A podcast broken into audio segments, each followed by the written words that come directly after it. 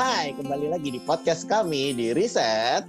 Terus, Wah, kayaknya rasanya udah lama banget ya terakhir kali kita bikin podcast ya, Be. iya nih Will, ya karena pandemi dan kesibukan masing-masing, akhirnya baru sempat rekaman lagi. Ini pertama ya di tahun 2020. Iya nih, heeh. Dan juga ya Mm-mm. ini pertama kalinya juga kita eh, rekaman, tapi nggak ketemuan. Fix. Jadi Iya, benar. Zoom. Jadi mohon maaf sebelumnya jika kualitas audio mungkin kurang maksimal. Iya, eh, tapi ya semoga dimaklumi ya. Yang penting kita bisa tetap memberikan konten tentang dunia riset nih. Akhirnya ya, Yeay, Kembali akhirnya. lagi kita, akhirnya kembali lagi kita bisa bikin konten.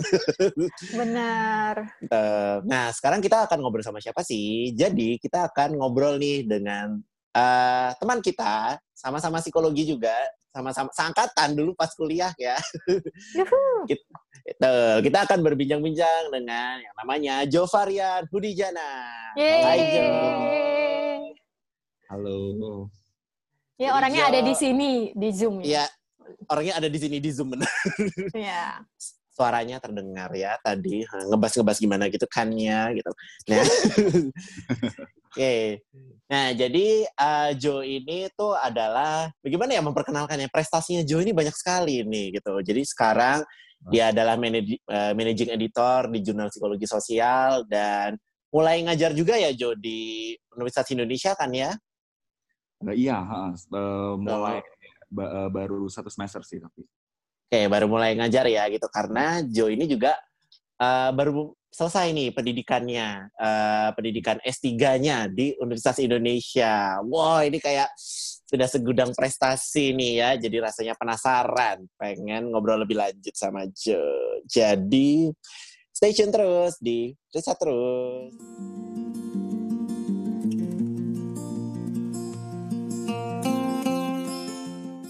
Halo Jo. Halo Bel. Ya, jadi awkward. Terus apa kabar nih sekarang? Bagaimana kehidupannya di karantina? Memang eh, untuk di kehidupan di karantina ini sendiri, Bel, eh, ini ya memang kemarin kita juga udah ya udah mulai WFH kan ya mungkin sama lah seperti semua teman-teman juga eh, udah mulai WFH juga. Jadi memang kemarin kelas sudah full semuanya online. Kemudian juga kita juga apa namanya eh, mengerjakan semua tugas juga eh, via apa namanya eh, online dan kalau ada meeting ya pakai Zoom. Eh, jadi benar-benar udah nggak keluar rumah lagi. Eh, ya tapi apa namanya eh, so far ya masih enjoy sih karena ya tetap ya kita juga kan eh, tetap apa ya eh, maintain eh, interaksi juga sama orang-orang di sekitar kita, sama teman-teman kita dan macam-macam gitu. Jadi eh, so far so uh, good walaupun memang agak-agak bosen ya kalau misalnya di ini ya di apa namanya di rumah terus kan tiap hari gitu. Biasanya kan kita dulu kan sebelumnya keluar kayak gitu kan tapi sekarang kan jadinya uh, di rumah terus jadi mungkin agak sedikit bosen aja. Cuman ya so far ya masih masih ini ya masih apa uh, masih manageable. Jadi uh, mostly uh, seperti itu sih uh, Billy dan Bell Oh, oke wow. Jadi artinya malah saat uh, work from home kayak gini tuh jadi produktif ya untuk nulis publikasi gitu-gitu. Trigger, trigger Iya. words. Trigger nih, Oke. trigger ya nih. Trigger. Gimana nih produktif nulis publikasi? Sebenarnya Eh, sebenarnya sih kalau kalau jadi makin produktif sih nggak juga sama aja sebenarnya gitu ya dengan yang sebelumnya gitu ya eh, apa namanya cuman mungkin kalau di rumah kan jadinya kan ada lebih banyak waktu apa ya yang tidak dihabiskan untuk di jalan kemudian juga ada waktu yang Hmm. Bisa digunakan juga eh, apa namanya untuk kegiatan-kegiatan. Ya maksudnya waktu luangnya tuh eh, ada cukup banyak gitu ya kalau di rumah. Jadi mungkin akhirnya Hmm. bisa dilokasikan juga eh, lebih banyak ke situ. Tapi kalau dari segi eh, apa namanya eh, apakah memang ini jadinya outputnya lebih banyak? Nggak juga sih. Kalau saya ngerasanya ya ini kayaknya sama aja sih akhirnya apa namanya eh, yang sebelum ataupun setelah WFH kayak gitu. Eh, Oh, oke. Jadi outputnya sama aja, tapi jadi apa ya? Mungkin ada banyak lebih banyak waktu kali ya untuk uh, nulis gitu. Karena nggak tahu ya kalau aku pribadi sebagai orang yang juga melakukan riset, kayaknya nulis adalah salah satu tantangan sendiri ya jadinya. Maksudnya udah ngambil data, tapi akhirnya ya data udah dianalisis tapi malah nggak jadi publikasi apa-apa gitu-gitu mengingat kembali apa yang sudah dilakukan jadinya Iya. Ya, jadi apa eh, kan ada dari banyak data itu mungkin kan eh, adalah yang bisa kita tulis untuk dijadikan publikasi dan apa Mhm. namanya eh, ya memang prosesnya memang juga cukup lama sih ya apa namanya belum lagi kan kalau kita menghitung rejection rejectionnya ya itu kan kayak Oh, iya. keniscayaan gitu loh apa eh, apa sebuah paper itu akan di reject tuh eh, dia itu adalah bah even eh, penulis-penulis yang saya tahu yang memang eh, kawakan gitu ya dan memang dia apa namanya track record publikasinya pun juga sudah banyak mereka juga tidak immune dari- terhadap rejection juga sih. Mereka pun juga tetap facing rejection eh, apa eh, apa eh, dari waktu ke waktu gitu. Nah eh, apa namanya saya saya, saya pernah dengar satu eh, ucapan dari nama Mbak K beliau dosen dari UI juga. Eh, beliau ini eh, punya quote yang sangat menarik gitu ya. Eh, dia bilang Mhm. dunia akademis ini adalah eh, apa ya dunia yang eh, lebih apa eh, lebih sering banyak lebih banyak rejectionnya daripada acceptance-nya gitu loh Eh, maksudnya adalah Hmm. papernya gitu ya jadi memang Heeh. eh, di dunia publikasi itu sendiri memang rejection itu eh, apa namanya mungkin sering dihadapi oleh berbagai eh, peneliti apalagi yang mungkin baru early karir juga gitu kan yang mungkin Iya. eh, high index Hmm. banyak atau mungkin eh, apa namanya eh, apa eh, dia baru mau mulai merintis karir sebagai peneliti itu pasti akan eh, facing a lot of rejection gitu jadi Iya. apa namanya eh, ya itu memang itu di situ toughnya juga eh, apa namanya eh, eh, apa karir pathway sebagai peneliti gitu ya. Eh, tapi apakah itu jadinya worth it atau enggak? eh, apa namanya? Saya sih nggak akan sugar coating sugar coating gitu ya. Tapi memang kalau memang eh, apa namanya? eh, kitanya memang ngerasa bahwa penelitian kita penting dan ini memang penting untuk diketahui oleh orang lain gitu ya kayaknya Hmm. tuh rejection itu juga kayak nggak terlalu oh ya udah di reject ya udah berarti kita cari aja jurnal yang lain gitu loh jadi nggak nggak Hmm. jadi sesuatu yang apa namanya ah aduh di reject nih berarti saya nggak mampu gitu. Nggak nggak nggak gitu gitu jadi akhirnya. Jadi apa namanya? Ya udah rejection ya so what? Jadi ya udah akhirnya kita move on aja ke jurnal yang lain kayak gitu. Jadi apa namanya? Wow. kita ambil feedback yang apa feedback yang didapat dari reviewer di jurnal sebelumnya kita perbaiki dan kita eh, kirim ke jurnal yang lain. Jadi memang eh, rejection is eh, apa is eh, sebuah keniscayaan gitu ya tapi Wah, Wes. bagaimana kita akhirnya Hmm. eh, apa eh, menyikapi itu yang menurut saya lebih penting gitu Nah, Oke, baiklah. Oh, ini langsung memberikan aku semangat nih. Rejection Ya. adalah sebuah keniscayaan. Iya. Quote of the day banget ya. Quote of the day itu harus harus masuk ke Instagram sih. Ini harus Nah. masuk deh. rejection sebuah Iya. keniscayaan. Iya, kalau mengutip katanya Kelly Clark- Clarkson, apa yang tidak membunuhmu membuatmu lebih kuat. Ouch. Ouch. Ini lagi, sorry lagi obsesi menggunakan bahasa Indonesia secara Ouch. baik dan benar. Jadi biasa juga nih. diterjemahkan. Oh ya, by the way, Jo, ini merupakan lul- lulusan doktor termuda dari psikologi UI. Uh, keren banget Iya. kan. Jadi sebagai rekan-rekan seangkatannya, eh, Billy dan Bele cukup bangga bisa bareng dulu. Iya, yang Punya kita. pendidikan bareng. Iya. Tapi kalau dipikir-pikir dulu ya, kita kayak bisa apa ya? Sekolah bareng, terus dari 2010, 2014, skripsi itu bareng. Tapi Hmm. kayak rasanya tuh ke dunia yang lain gitu, 2014 ke 2020. Itu Iya, benar. apa- gimana sih perjalanannya Jo dari tahap itu sampai sekarang udah jadi dokter, jadi apa ya, emerging scientist Ah, atau ini ya. Early Academician. research apa early career research kali early researcher kali ya itu career, ya, researcher. Itu bisa diceritain lebih lanjut. Oke, ya sebelumnya mau ngomong dulu sebenarnya dari dulu saya juga kagum loh sama Bele sama Billy sebenarnya dari waktu zaman S1 gitu ya itu udah apa namanya kelihatan lah ya maksudnya Bele dan Billy ini aduh eh, pintar dan berpotensi kayaknya aduh kayaknya berbakat. Ya. Aku dipuji. Sebenarnya eh, gue dulu dulu gue dulu udah kagum banget sama kalian sebenarnya waktu S1 gitu. Likewise. Iya. Ya. Nah, apa namanya?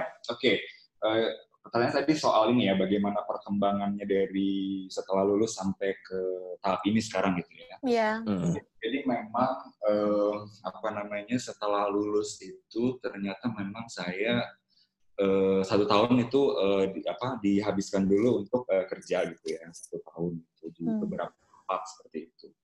Nah uh, kemudian setelah satu tahun itu ternyata tiba-tiba uh, gitu ya saya dapat uh, telepon dari uh, salah, salah satu teman kita juga namanya Himawan Arifianto gitu ya si Ato gitu. Oh Ato Ato. Ya, Ato. Hmm. Nah dia tahu-tahu nanya gitu, Jo lo berminat nggak untuk uh, apa uh, kalau seandainya lo bisa dapat beasiswa sampai S3 gitu. Ah, beasiswa S3 tuh gue sebentar ini dia nggak salah kirim ya. Ini kan gue baru satu gitu loh kayak gitu kan. Kenapa dia tahu-tahu nanya gue lulus uh, apa bisa itu S3 nih kayak dia salah kirim. Hmm. Ah, S3 gimana toh gitu kan gue tanya. Terus habis itu dia jawab, e, oh iya nih Jo, ada ternyata ada program percepatan gitu. Program percepatan ini jadi paralel dari S2 sampai S3 gitu. Jadi e, bareng e, antara S2 S3-nya itu. Jadi kurikulumnya sebenarnya mirip seperti kurikulum di Amerika gitu ya. Mungkin Bel juga tahu apa namanya uh, jadi memang uh, dari S1 kan kalau misalnya di Amerika juga kan setelah itu langsung uh, ini ya uh, postgraduate gitu ya uh, apa namanya dan itu uh, nggak nggak apa master dan doktor itu juga sering kali juga jadi bisa sekalian gitu loh uh, master hmm. dan sekalian doktor gitu. Nah ternyata ini juga ngikutin uh, kurikulum seperti itu ternyata. Nah nama programnya ini memang itu program di tahun keduanya gitu ya di uh, diadakan oleh Dikti Uh, jadi itu uh, apa namanya uh, untuk mahasiswa-mahasiswa, uh, sorry, uh, lulusan S1 yang memang ingin lanjut ke S3 untuk berkarir sebagai peneliti atau dosen seperti itu. Karena hmm. memang kan uh, salah satu ancaman dari bukan ancaman apa ya kayak masalah dari di Indonesia itu adalah mungkin uh, sebenarnya ini apa namanya dari jumlah dokternya itu masih terlalu rendah seperti itu di Indonesia. Yang hmm. yang yang dia akan mengisi tempat-tempat seperti uh, akademia itu masih uh, rendah. Makanya akhirnya uh, Dikti berinisiatif untuk uh, menciptakan program seperti ini. Dan dia menggandeng berbagai universitas di Indonesia untuk uh, ikutan juga berpartisipasi. Tapi di sini uh, program ini juga nggak di nggak nggak langsung dikti bekerja sama dengan universitas ya. Jadi ini uh, bekerja sama dengan uh, profesor-profesor dari tiap uh, universitas gitu. Yang terutama yang H indeksnya minimal sudah tiga gitu ya. ya apa, karena kan penting uh, si pen, uh, apa, profesor ini sudah punya track record publikasi seperti itu. Nah hmm. jadi uh, apa namanya di situ ternyata uh, Ato ini dia diminta oleh Profesor Hamdi Muluk waktu itu yang pembimbing saya gitu. Nah, jadi uh -huh. uh, apa namanya? uh, atau ini eh, uh, apa diminta untuk coba uh, siapa ya kira-kira yang bisa gitu loh untuk uh, ikutan beasiswa ini gitu kan ada beberapa nama waktu itu nah akhirnya uh, saya dikontak oleh Ato uh, dan akhirnya uh, apa namanya uh, saya menyatakan berminat gitu untuk uh, ikut uh, apa namanya Eh, program tersebut seperti itu. Udah akhirnya kan masuk ke dalam program itu dan bergabung langsung di uh, laboratorium psikologi politik yang dikelola oleh Profesor Hamid. Nah di situ uh, yang mulai deh uh, apa namanya kita belajar uh, apa namanya penelitian dan apa skill-skill yang dibutuhkan untuk menulis dan uh, apa namanya bagaimana uh, apa namanya menghadapi uh, para reviewer dan dan macam-macam gitu ya termasuk juga kelas-kelas yang memang harus diambil juga waktu itu apa namanya dari dari uh, kelas-kelas di S3-nya dan S2. Jadi waktu itu kelas-kelas S2 dan kelas-kelas S3 gitu ya. Uh, hmm. Selama dua tahun itu dipadatkan kurikulum itu.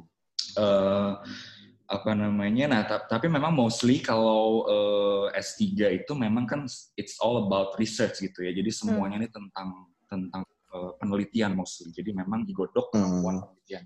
Nah saya cukup beruntung karena saya masuk ke laboratorium uh, psikologi politiknya Bang Hamdi gitu ya. Uh, apa namanya? Uh, Profesor Hamdi Muluk Uh, karena di situ iklim risetnya itu sangat uh, terbangun gitu ya, sangat uh, berjalan dan mereka uh, semuanya berminat untuk uh, melakukan riset gitu ya. Jadi orang-orang di dalam situ. Nah, uh, apa namanya di situ jadi saya juga banyak belajar dari orang-orang di situ uh, terkait dengan uh, apa skill-skill yang juga dibutuhkan gitu untuk uh, melakukan publikasi penelitian gitu.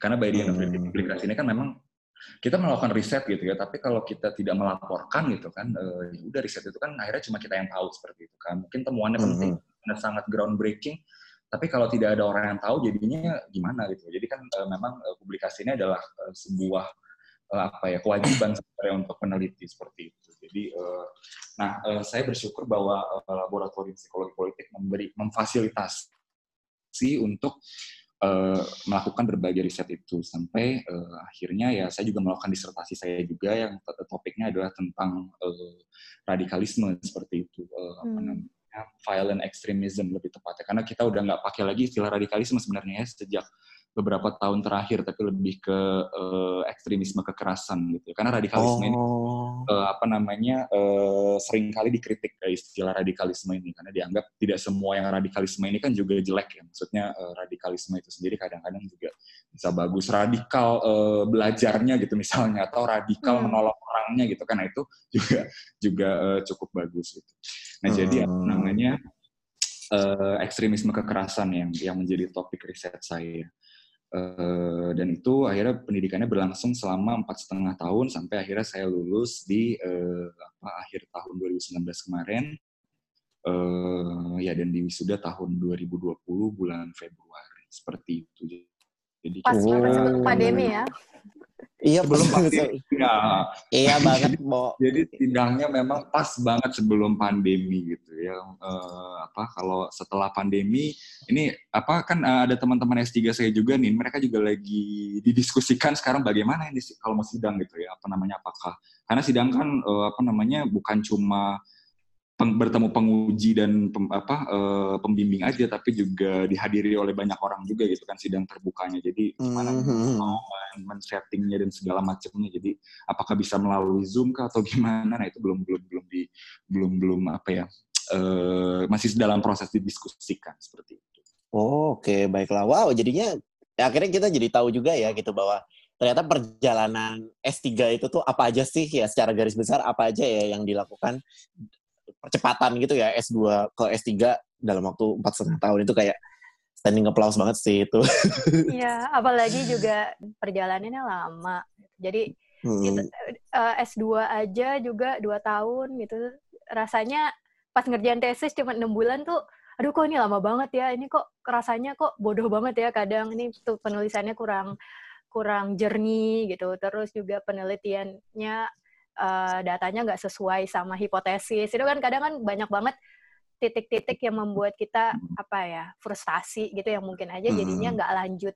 Tapi maksudnya Jo bisa dari lulus de, terus tahun kemudian mulai terus akhirnya tetap konsisten dan persisten sampai sekarang. Nah itu juga ya. wah itu betul, betul boleh, boleh cerita sedikit soal itu ya uh, Bel ya? Eh, ya. Uh, apa namanya uh, ya uh, thank you Bel soal uh, apa yang uh, kamu katakan itu. Nah, uh, apa namanya? Kalau saya sendiri gitu ya, uh, selama perjalanan kemarin di S3 gitu, uh, memang juga nggak bisa dibilang perjalanannya juga apa ya mulus banget gitu ya ketika uh, studi gitu. Tadi seperti yang Bel juga udah mungkin sedikit contohkan, pasti ada lika-likunya gitu kan. Tadi misalnya hipotesisnya ternyata kok tidak sesuai dengan datanya gitu. Terus habis itu ternyata kok uh, apa namanya uh, has apa uh, desainnya pun juga tidak disukai oleh reviewer seperti itu dan macam-macam gitu. Jadi banyak sekali batu hambatannya untuk apa namanya untuk riset itu sendiri gitu dari mulai dari awal perancangan sampai penulisan laporan gitu. Saya sendiri juga waktu menulis disertasi itu itu sempat uh, lima kali ditolak gitu kan oleh wow. uh, apa namanya pembimbing saya topiknya gitu loh. Oh. Dan itu oh. udah nulis sampai bab tiga masing-masing gitu ya. Jadi jadi masing-masing dari satu sampai empat udah nulis sampai bab tiga gitu ya. Terus habis itu ganti lagi ganti uh, ganti ini kurang cocok ini ini ini ini tidak ada kebaruan teorinya terus ini uh, apa cuma ngomongin kebaruan metodologi aja gitu tapi nggak ada kebaruan teorinya jadi jadi apa namanya uh, terus terusan di apa waktu itu terus terusan memang uh, apa namanya uh, nggak nggak mulus gitu loh memang jalannya untuk menulis disertasi itu. Tapi by the end of the day akhirnya itu memang kayak semacam proses. Aduh ini ah, saya nggak tahu ini klise apa enggak ya. Tapi ini tuh uh, hmm. setelah, setelah proses yang kelima kali itu gitu ya. Itu tuh saya jadi tahu gitu loh seluk beluk dari apa yang harus saya lakukan gitu dalam sebuah uh, riset ini gitu untuk merancang riset ini. Gitu. Jadi ketika awalnya saya terlalu apa terlalu hasty untuk memilih topik atau terlalu uh, apa namanya uh, kira-kira uh, terlalu ceroboh dalam memilih kebaruannya ini apa dalam sebuah topik uh, riset disertasi. Karena kan disertasi ini yang dituntut kebaruan dari segi teori kan. Intinya kita kita menciptakan sebuah uh, argumen baru atau memfalsifikasi temuan sebelumnya supaya menemukan atau mengembangkan temu, uh, temuan baru seperti itu kan hmm. jadi kan kita hmm harus apa namanya menemukan uh, kira-kira state of the art dari sebuah risetnya apa gitu. Gap teorinya ada di mana sehingga kita bisa tahu nih. Ibaratnya kalau kita mau pasang Lego gitu ya jadi kita tahu uh, mau masang Lego ini tuh ada di sebelah mana dari bangunan Lego yang sudah ada pengetahuan sebelumnya gitu. Jadi nggak tahu-tahu kita bikin Lego sendiri yang terpisah dari pengetahuan sebelumnya gitu kan. Nah ini juga butuh uh, skill dan dan dan ketika ketika uh, saya gagal-gagal itu empat kali gitu ternyata saya melihat bahwa oh makin lama makin uh, ternyata terasah gitu loh uh, kemampuan saya untuk bisa menemukan ini tuh novelty-nya di mana ini tuh uh, kebaruan teorinya ada di sebelah mana gap teorinya di sebelah mana gitu. Sehingga saya bisa tahu bahwa oh ya ini masih belum ada penelitiannya masih kurang penelitiannya di sini sehingga dan atau masih inkonsisten gitu ya hasil risetnya teorinya masih tidak konsisten jadi kita bisa uh, go on dengan penelitian kita kayak gitu. Kita bisa uh, apa namanya uh, lanjut uh, bahwa ini memang suatu topik uh, disertasi yang mau kita lakukan seperti itu. Uh, jadi apa namanya uh, jadi kegagalan-kegagalan kayak begitu tuh kayak semacam apa ya me membuat saya jadi makin terasa sih gitu loh. Tentu ya saya tidak menafikan bahwa prosesnya pun juga nggak mudah ya apa namanya ya hmm. emosion emosinya gimana frustrasinya gimana dan segala macam itu kan apalagi harus ngulang tulisan segala macam itu kan nggak gampang gitu ya apalagi juga belum lagi kalau kita kebiasaan juga prokrastinasi gitu kan saya pun juga melakukan itu waktu dulu gitu.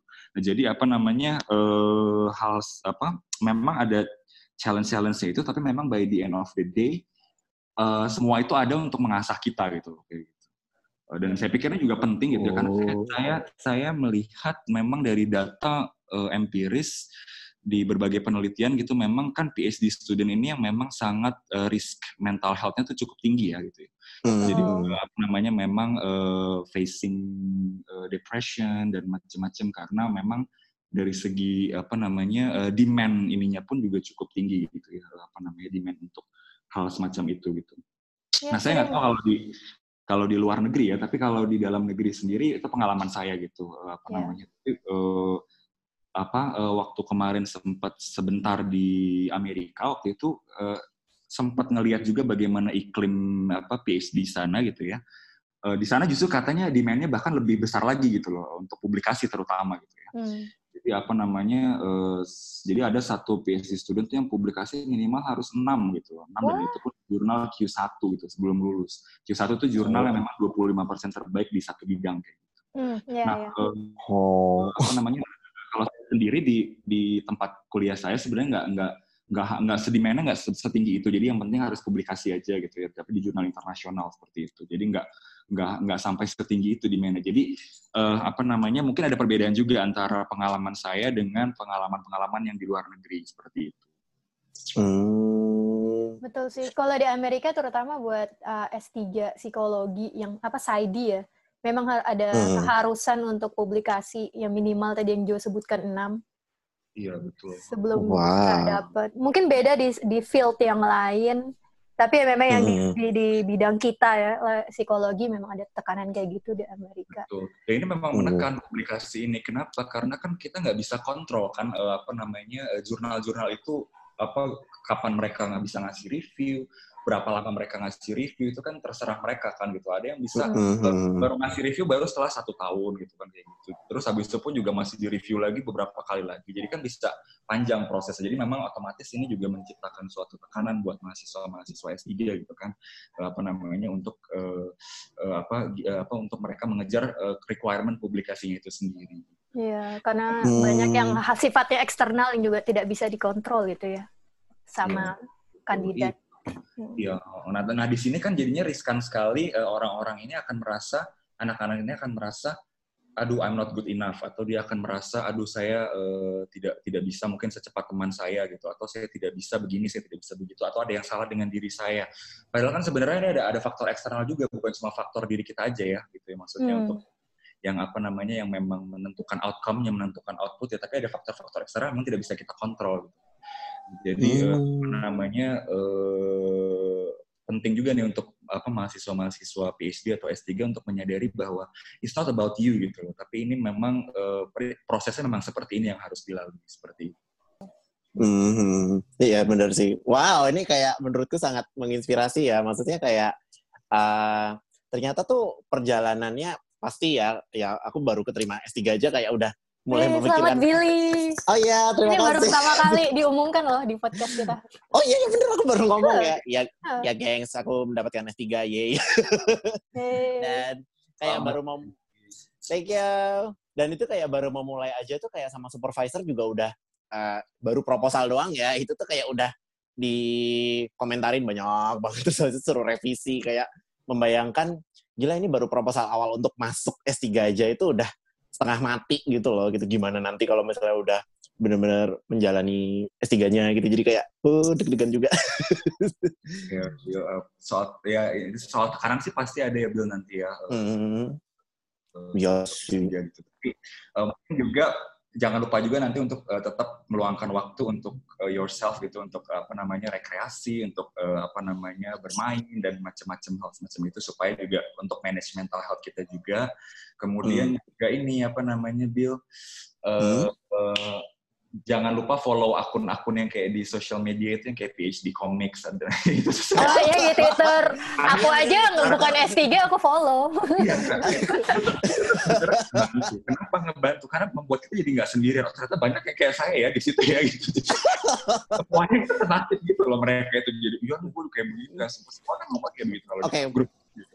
Jadi itu di baiklah Twitterku langsung udah rame nih udah Iya. PhD Comics itu academic chatter Iya, dan itu sebuah Semuanya. pengalaman yang global gitu ya, Jadi bukan misalnya S3 di Indo aja nih begini atau S3 di Amerika aja nih gini. Eh, eh, ternyata di mana pun global, gitu global. kan. Ya, kalau kalau Oh. kita lihat di website-website atau di apa eh, sosial media sosial media akun-akun itu, itu dari berbagai negara itu eh, yang ngomong gitu ya atau yang eh, ikutan gitu, yang ikutan komentar juga gitu dari berbagai negara dan oh ya ternyata Hmm. memang di seluruh dunia kayak begini gitu ya. Hmm. ya benar sih Eh, menarik Iya. sekali ya Itu kan banyak yang suka mengumpamakan kayak perjalanannya kayak perjalanan yang kesepian gitu kan. Tapi aku Iya, tuh lone- mikirnya tuh, lone wolf ya istilahnya iya, lone wolf. Aku mikirnya tuh anak-anak S3 tuh kayak together alone gitu. Together Jalan bareng. alone bertemu di Twitter. Jalan bareng-bareng tapi sendiri-sendiri ya Iya, Iya. iya. Iya iya Bill Eh, juga ma- juga ini siapa eh, manfaatin juga mungkin eh, ketika di sana mungkin eh, sosial apa sosial sosial apa ya sosial social life apa sosial apa sih intinya apa Circle. circle ha, ha, apa namanya eh, oh iya ya kayak perkumpulannya gitu ya atau iya waktu-waktu sosial kamu juga itu tetap penting kayak gitu oh bener-bener. menjaga, menjaga apa eh, dalam tanda kutip kewarasan kita gitu Gitu. Oh, luar biasa. Jadi ini buat sahabat periset nih, jadi kayak masukan buat sahabat periset ya gitu. S3 itu nggak cuman tentang kuliah gitu, Hmm. tapi juga menjaga kesehatan fisik dan mental sendiri. Wah, ini kayak uh Setuju, setuju. memberikan semangat dan inspirasi bagi para sahabat periset yang mau S3 nih. ya karena memang juga ini bukan cuma soal akademik doang gitu loh. Kalau misalnya mungkin kita dulu waktu S1 gitu ya, ini kan memang lebih banyak soal kelas gitu ya, soal Hmm. kita bagaimana me- memperoleh eh, ilmu dari kelas dan bagaimana akhirnya kita memperoleh eh, outcome-nya yaitu nilai kayak gitu kan itu yang menjadikan kriteria kita untuk lulus kayak gitu kan. Hmm. Eh, kayak itu. Nah kalau di di apa di PhD ini itu udah nggak terlalu dominan lagi gitu loh apa namanya untuk kita di kelas dan kita mendapatkan nilai itu tapi yang lebih dominan Hmm. adalah eh, bagaimana hubungan kita dengan pembimbing bagaimana eh, apa namanya eh, kita bisa menghandle stres bagaimana kita bisa memanage ekspektasi kita gitu ya kan. Kan namanya hipotesis nggak terjawab itu kan sebenarnya eh, itu kan ekspektasi yang akhirnya dikecewakan kan sebenarnya gitu kan. Hmm. Kalau Ah, nah tapi jelek, tapi jelek, ya, jelek. tetap harus manage kan gitu loh. Kita nggak bisa tahu-tahu abis itu udah eh, apa namanya eh, nyerah gitu aja kan. Kan nggak bisa gitu. Jadi memang eh, itu harus di manage gitu loh bagaimana eh, caranya seperti itu. Jadi memang eh, di S3 ini lebih banyak life skill-nya kalau menurut saya daripada eh, S1 kalau menurut saya.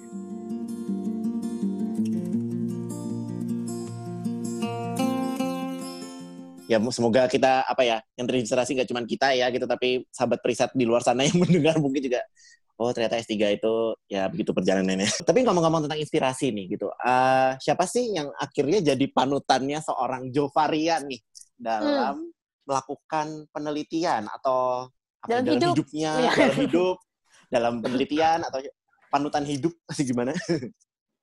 Iya, uh, uh, panutan ya sebentar. Oh iya ada sih. Uh, jadi memang uh, panutan saya ini memang uh, cukup dekat sama saya gitu sebenarnya orangnya. Jadi bukan selebritis atau bukan orang terkenal di luar sana gitu ya, tapi ini uh -huh. uh, namanya pembimbing saya sendiri yaitu namanya Mbak Mira Nurmila gitu ya. Uh -huh. uh, saya banyak sekali belajar dari beliau gitu Mbak Mira Nurmila ini gitu dalam arti uh, beliau ini sangat berperan besar dalam mementor saya sih selama waktu S3 kemarin gitu ya. Uh, apa namanya selain juga apa namanya dia dia punya demand yang cukup besar gitu loh ke saya. Tapi saya bersyukur karena dia punya demand yang seperti itu karena artinya dia tidak mau jadi jadi kan ada mungkin uh, pembimbing atau apa gitu yang mungkin ketika oh ya udah yang penting kamu passable udah selesai gitu. Tapi tapi ada pembimbing yang dia tahu bahwa kamu tuh lebih bisa lebih daripada ini gitu. Kamu tuh bisa hmm. lebih daripada apa yang kamu udah lakuin sekarang gitu.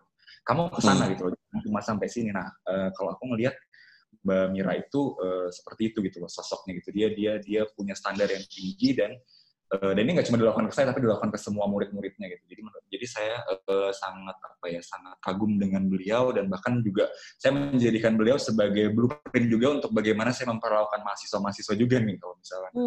Hmm dan apa namanya juga ya beliau juga memberikan banyak uh, wise counsel juga kayak misalnya ya kalau misalnya kamu mau mempresentasikan penelitian jangan terlalu fokus sama penonton gitu loh fokus sama diri kamu sendiri gitu kalau terlalu fokus oh. sama penonton kamu akan uh, kehilangan diri kamu sendiri kayak gitu gitu kan sebenarnya hal-hal yang apa ya yang oh iya ya gitu uh, apa saya jangan terlalu fokus ke bagaimana orang melihat saya gitu loh. Tapi ya ya udah fokus aja sama apa yang memang memang penelitian ini bagus di sebelah mana dan memang apa yang pengen saya kasih tahu ke orang-orang dan hal semacam itu gitu. Jadi hal kayak gitu itu salah satu contoh aja itu um, apa ya uh, menurut saya tuh uh, cukup ini ya cukup uh, membuat saya juga akhirnya belajar banyak gitu selama selama uh, kuliah S3 itu sendiri gitu. Jadi memang saya sangat kagum sekali dengan beliau dan not to mention juga pengetahuan beliau tentang apa uh, radikalisme dan violent ekstremisme itu sendiri juga cukup uh, mendalam gitu. Jadi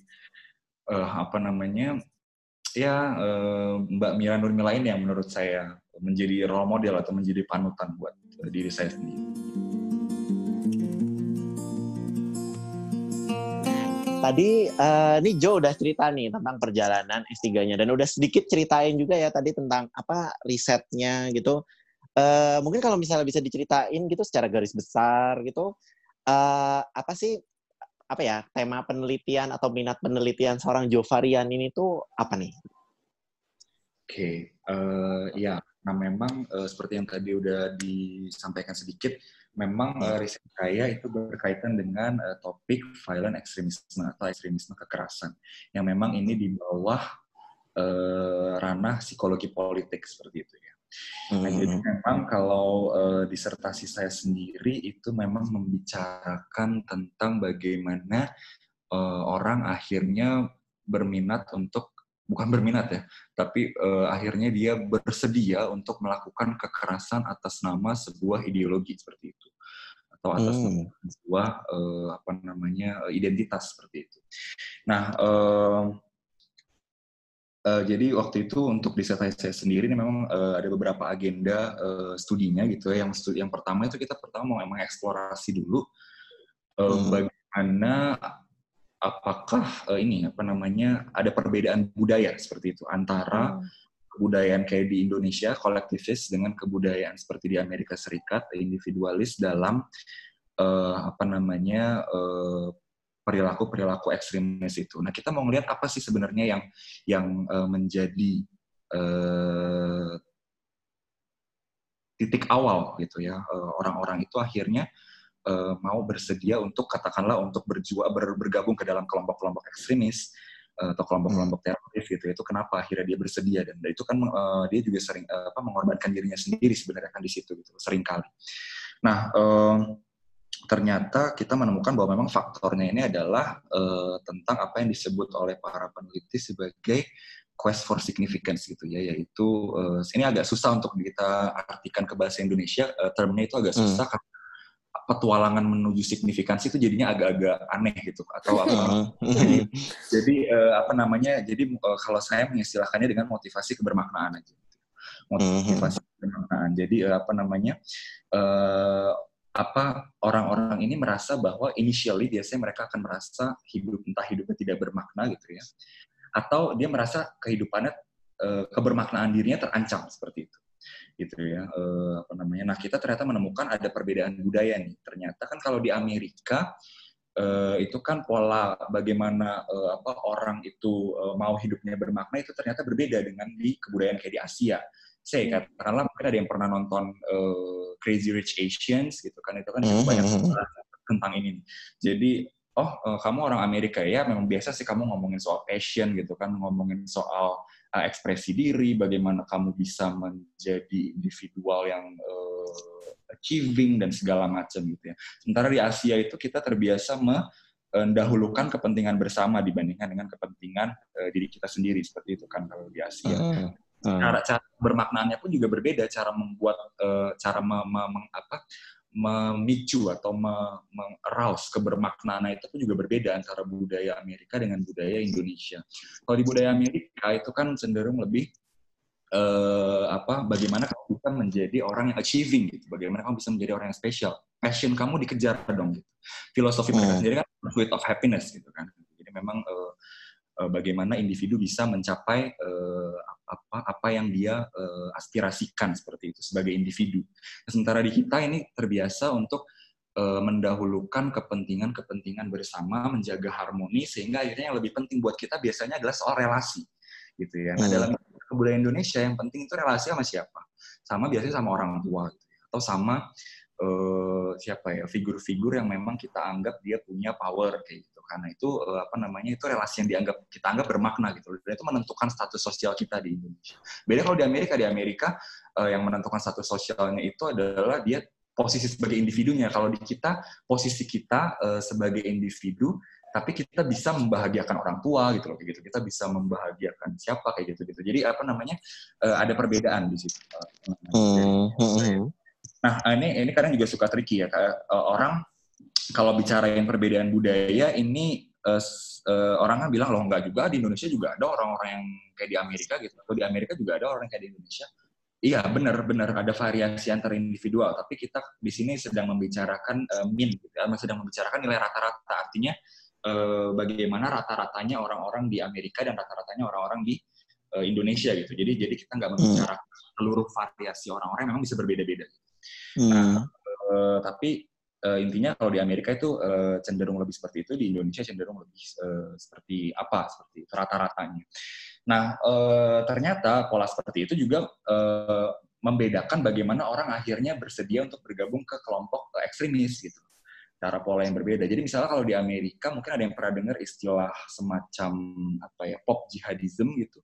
Hmm. Uh, bagaimana orang uh-huh. akhirnya masuk ke ISIS atau Al Qaeda itu bukan karena faktor-faktor ekonomi itu, tapi karena memang mereka pengen jadi pahlawan gitu loh di dalam uh, ISIS atau Al Qaeda itu, karena mereka merasa ketika melihat mereka melihat video YouTube, wah gila ya pegang senjata keren banget gitu loh, wah gila ini kayak ibaratnya kayak dia lagi nonton apa ya uh, Avengers atau uh, Spider-Man dan macam-macam itu dia kayak melihat gila uh, saya bisa jadi superhero tuh di situ gitu. Ini kan sebenarnya hmm.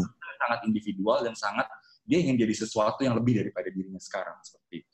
Nah, sementara oh. di Indonesia ini yang seperti itu bukan uh, tidak terlalu dominan gitu loh uh, polanya. Lebih ke aduh kalau saya ternyata tidak jadi orang yang memang masuk ke kelompok itu nanti saya uh, hutang budi dong sama teman saya yang ada di kelompok itu. Maksudnya saya nanti jadinya dianggap jelek dong sama teman saya yang ada di kelompok itu gitu loh, kelompok ekstremis itu. Hal semacam itu tuh yang lebih dominan. Uh, sebagai contoh misalnya ada kasus ya, ada orang yang memang mau dititipin bom gitu ya di rumahnya gitu ya uh, dia sebenarnya bukan dari kelompok ekstremisnya orang ini. Gitu. Mm -hmm. uh, uh, apa namanya? Sekarang orangnya uh, di penjara. Nah, uh, dia bukan orang dari kelompok ekstremis, tapi dia bersedia untuk dititipin bom gitu. Oh, ini kan sebenarnya pengorbanan diri kan. Uh, hmm. Apa dia beresiko ditangkap, beresiko masuk penjara, bahkan udah, udah masuk penjara orangnya juga. Gitu. tapi dia bersedia gitu loh. Kenapa akhirnya dia bersedia menaruh bom di dalam rumahnya, uh, dititipin oleh temennya yang dari kelompok ekstremis karena dia merasa saya berutang budi sama orang itu. Kalau saya nanti nggak nggak apa nggak nggak nggak nitip nggak nggak apa nggak menyimpan bom di rumah saya, nanti saya nggak enak dong sama dia gitu. Nanti saya apa merusak persahabatan kita, saya jadi merusak uh, hubungan saya dengan dia gitu. Jadi kelihatan kan ini relasi nih yang penting gitu di, oh. di, di oh. kebudayaan di Indonesia. Hmm, hmm, hmm. Jadi apa namanya beda nih antara di kebudayaan Indonesia dengan kebudayaan seperti di uh, Amerika seperti itu. Nah, apa namanya? Jadi saya juga melakukan eksperimen juga untuk melihat apakah uh, ketika di apa namanya di di apa diaktifasi gitu ya motivasi untuk kebermaknaannya itu yang dari segi individual kah atau dari segi relasi kah itu berujung ke arah kekerasan nggak? Nah ternyata eh, saya eh, menemukan bahwa kalau di Indonesia memang ternyata lebih tinggi ketika dimotivasi dari segi relasi gitu ya dari segi bagaimana dia diancam relasinya dan bagaimana dia apa namanya membuat relasi itu menjadi eh, apa namanya hilang dan semacam itu itu akan membuat eh, apa eh, orang akan lebih bersedia untuk melakukan kekerasan atas nama kelompok itu atas atau atas nama eh, ideologi seperti itu. Oh. Gitu sih. Jadi kurang lebihnya kayak gitu untuk uh, project yang memang saya mostly saya lakukan uh, sampai sekarang gitu ya. Dan mau dikembangkan juga uh, project itu. Tentu ada beberapa topik-topik lain juga yang memang saya juga kerjakan seperti uh, juga bagaimana uh, apa terorisme yang memang uh, di lap-lapasnya itu sendiri gitu ya. Ada beberapa publikasi saya juga membicarakan soal itu. Kemudian hmm. juga, uh, apa uh, mostly juga soal nilai-nilai dalam budaya gitu ya. Saya juga apa melakukan penelitiannya kayak kemarin baru publikasi tentang nilai keperawanan itu ternyata memang nilai kebudayaan keperawanan itu ternyata memang uh, menciptakan orang-orang akhirnya remaja akhirnya pengen melakukan prostitusi seperti itu kan. Hmm. oh. Juga nilai-nilai ideologis yang saya juga uh, riset seperti salah satu publikasi saya tentang uh, uh, sekularisme seperti itu. Nah, jadi uh, apa namanya kebanyakan memang uh, saya beroperasi di, di uh, topik riset nilai-nilai uh, budaya, nilai-nilai kultural seperti itu. Oh. Uh, tapi memang dikaitkan dengan berbagai isu. Tapi mostly memang lebih ke arah uh, violent extremism. Seperti itu sih kira-kira. Wah, oke okay, baiklah. Ini kayak bidang yang nggak tahu ya kalau aku sih nggak gitu uh, mungkin ini kayak pertama kalinya mendengar ada orang yang benar-benar mendalami sangat violent extremism gitu. Kalau di luar kayaknya cukup banyak juga ya orang-orang penelitian radikalisme, violent extremism gitu-gitu. Ya, ini penelitian yang cukup uh, populer gitu ya, terutama sejak ini uh, Bill sejak peristiwa 9/11 di Amerika gitu ya. Jadi Oh iya iya iya. Iya iya benar benar benar. Kan di Google Scholar itu uh, apa namanya? Uh, kalau kalian nyari di Google Scholar gitu ya, top, uh, katakanlah radikalisme gitu ya. Uh-huh. Radikalisme keywordnya itu kalian akan ketemu bahwa uh, sebelum tahun 2001 gitu ya, nah, uh-huh. itu sedikit sekali gitu loh apa orang-orang yang meneliti tentang topik radikalisme. Bukan yang nggak ada, tapi sudah ada tapi sedikit gitu ya. Tapi setelah hmm. uh, itu saat terjadi lonjakan yang cukup besar gitu ya, penelitian dan ini menjadi minat yang cukup besar di seluruh dunia gitu ya. Uh, oh. Apa pun uh, ter, apa banyak negara yang nggak cuma di Amerika dan Eropa tapi juga di Asia, kemudian juga di Australia dan uh, di apa uh, ya berbagai belahan dunia seperti itu. Oh ya, terus ini kalau di tengah pandemik ini tuh, ku dengar kayaknya kamu juga ini ya kayak ikut riset yang global gitu-gitu terkait dengan pandemik itu gimana tuh Jo? Iya. Jadi COVID ini. Mm -mm. Jadi memang uh, kita sekarang sedang melakukan penelitian. Sebenarnya bukan bukan saya bukan saya saja gitu. Memang ini uh, awalnya dari Mbak Mira, Mbak Mira Nurmila, kemudian mm -hmm. Hamdi. Nah itu Mbak Mira kemudian mengajak saya gitu loh untuk ikut berpartisipasi juga. Nah uh, di situ memang uh, tim risetnya besar sekali gitu ya. Uh, memang uh, untuk prinsipal investigator atau peneliti utamanya itu dari Belanda gitu ya. Hmm. Apa namanya? Groningen kalau nggak salah. Iya Groningen. Nah, eh, apa namanya? Kemudian dia mengajak beberapa peneliti dari berbagai negara, awalnya dari ya lima negara gitu, teman akhirnya ini dibuat akhirnya jadi 38 negara akhirnya. Jadi apa namanya, nah Indonesia termasuk salah satunya yang juga menjadi target apa namanya untuk uh, bisa mencapai mendapatkan insight soal apa namanya COVID ini. Jadi memang untuk riset ini kita ingin tahu kenapa sih orang apa atau bagaimana sih orang akhirnya dia menghadapi dampak-dampak katakanlah dampak secara kesehatan dan psikologis dan juga dampak secara ekonomis gitu ya dari uh, apa uh, COVID itu sendiri gitu dan juga variabel-variabel yang berhubungan dengan itu. Gitu. Jadi intinya main research question itu soal itu gitu. Jadi hmm. perilaku apa yang membuat orang akhirnya katakanlah dia kok tidak mau akhirnya dia uh, melakukan apa karantina diri gitu. Kenapa akhirnya dia tidak mau uh, apa namanya pergi eh dia tidak mau menuruti pesan-pesan yang sudah ada gitu misalnya atau macam-macam seperti itu gitu ya. Itu jadi kita hmm. tertarik ke salah satunya tertarik ke, uh, tentang itu. Nah, data yang kita koleksi itu sudah cukup banyak sekarang, cuman memang belum kita bisa uh, publish selain data deskriptif gitu ya. Data deskriptif sudah sudah tersedia secara publik sebenarnya dari kita gitu ya. Jadi hmm. data perbandingan negara sudah bisa dilihat tuh di situ gitu ya. Mungkin kalau kemarin kalian sempat uh, ada yang ngepost soal yang apa namanya Indonesia itu rankingnya cukup tinggi untuk optimisme atau hope dan efikasinya itu itu dari riset ini nih sebenarnya. Hmm. Oh, oke. Okay. Iya, nah, which is itu hope dan hope dan efikasi tinggi itu tidak selalu bagus ya di sini. Saya mau ini aja apa garis bawah ya. Karena okay. tinggi bisa jadi orang kan jadi meremehkan juga gitu kan. Maksudnya apa namanya oh ya apa uh, atau di optimismenya terlalu tinggi ini orang bisa jadi meremehkan juga gitu apa namanya oh ya udah nggak apa-apa gitu loh. Ketika dia di keluar keluar aja itu nggak apa-apa gitu loh keluar rumah gitu loh. karena dia tidak merasa bahwa ini suatu hal yang harus di, di apa dia harus takut gitu loh terhadap hal ini gitu. Jadi dia nggak takut kan ketika dia optimis gitu. Jadi ya udah dia keluar aja gitu. Jadi jadi tidak terlalu bagus gitu. Jadi sering kali orang interpretasinya salah ketika ketika oh optimisme tinggi bagus dong berarti gitu kan. Jadi belum tentu hmm. juga nah oh. uh, apa namanya uh, eh, jadi sekarang kita ada 38 negara yang bekerja sama dari seluruh benua eh, apa namanya dan ini memang studinya longitudinal gitu ya. Eh, jadi memang sekarang kita belum bisa kasih data karena memang masih berjalan surveinya. Mungkin Billy kalau eh, apa mungkin kalau misalnya uh, nggak tahu deh mungkin dari, dari kalian ada yang pernah jadi partisipannya juga nggak kemarin mungkin masih hmm. kirimin email secara terus menerus ya nah, ini memang karena kita masih terus update gitu ya dari tiap hmm. Iya kayaknya aku dapat gitu. Nah, jadi uh, apa namanya memang studinya longitudinal supaya kita juga tidak bisa tidak mem, karena data cross sectional kan kita tahu lemah ya. Maksudnya cross sectional ini kan ini apa namanya cuma diambil hmm. sekali tidak lemah artinya kita tidak bisa memprediksi polanya seperti apa gitu loh dari waktu ke ah. waktu sehingga datanya hmm. Jadi kita menggunakan data yang longitudinal. Jadi uh, dari pattern dari waktu ke waktu seperti apa. Katakanlah kita kan akan bermakna ya kalau seandainya kita tahu ternyata di minggu pertama ternyata semua orang masih lebih optimis gitu misalnya. Eh ternyata hmm. di minggu keempat dan kelima ternyata optimisme sudah menurun jauh gitu. Hmm. Dan kan ada apa nih di antara minggu kelima dan keenam? Cuma kita bisa lebih tahu dinamikanya seperti apa. Jadi oh. namanya uh, uh, apa? Kita masih ongoing proses Eh, dan harapannya dalam waktu dekat akan dipublikasikan seperti itu. Sih. Wow, luar biasa sekali ya ini penelitiannya sangat mendunia nih. Wah.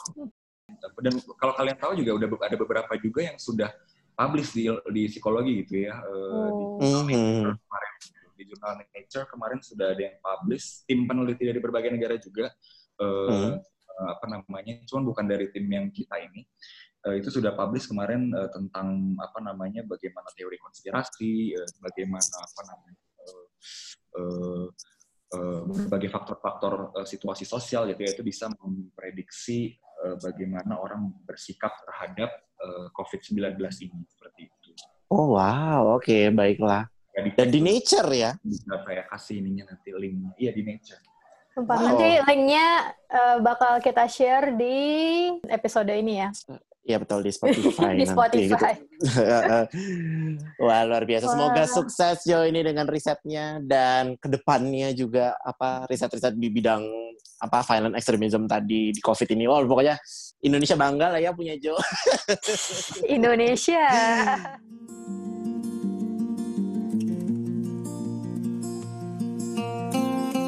Baiklah terima kasih ya Jo atas waktu dan juga cerita dan juga apa ya uh, pelajaran hidup. Iya benar nih. Oh, oh nih pesan-pesan buat sahabat periset udah banyak banget nih jadinya. ya ini berasa kayak kuliah dengan dosen favorit. Oh. Nggak salah nggak semua kuliah itu menyenangkan gitu kan kelas. Jadi makanya ditambahin embel-embel favorit. Favorit ya, dong. Terus ya terima kasih juga pendengar riset terus atas kesabarannya menunggu episode demi episode.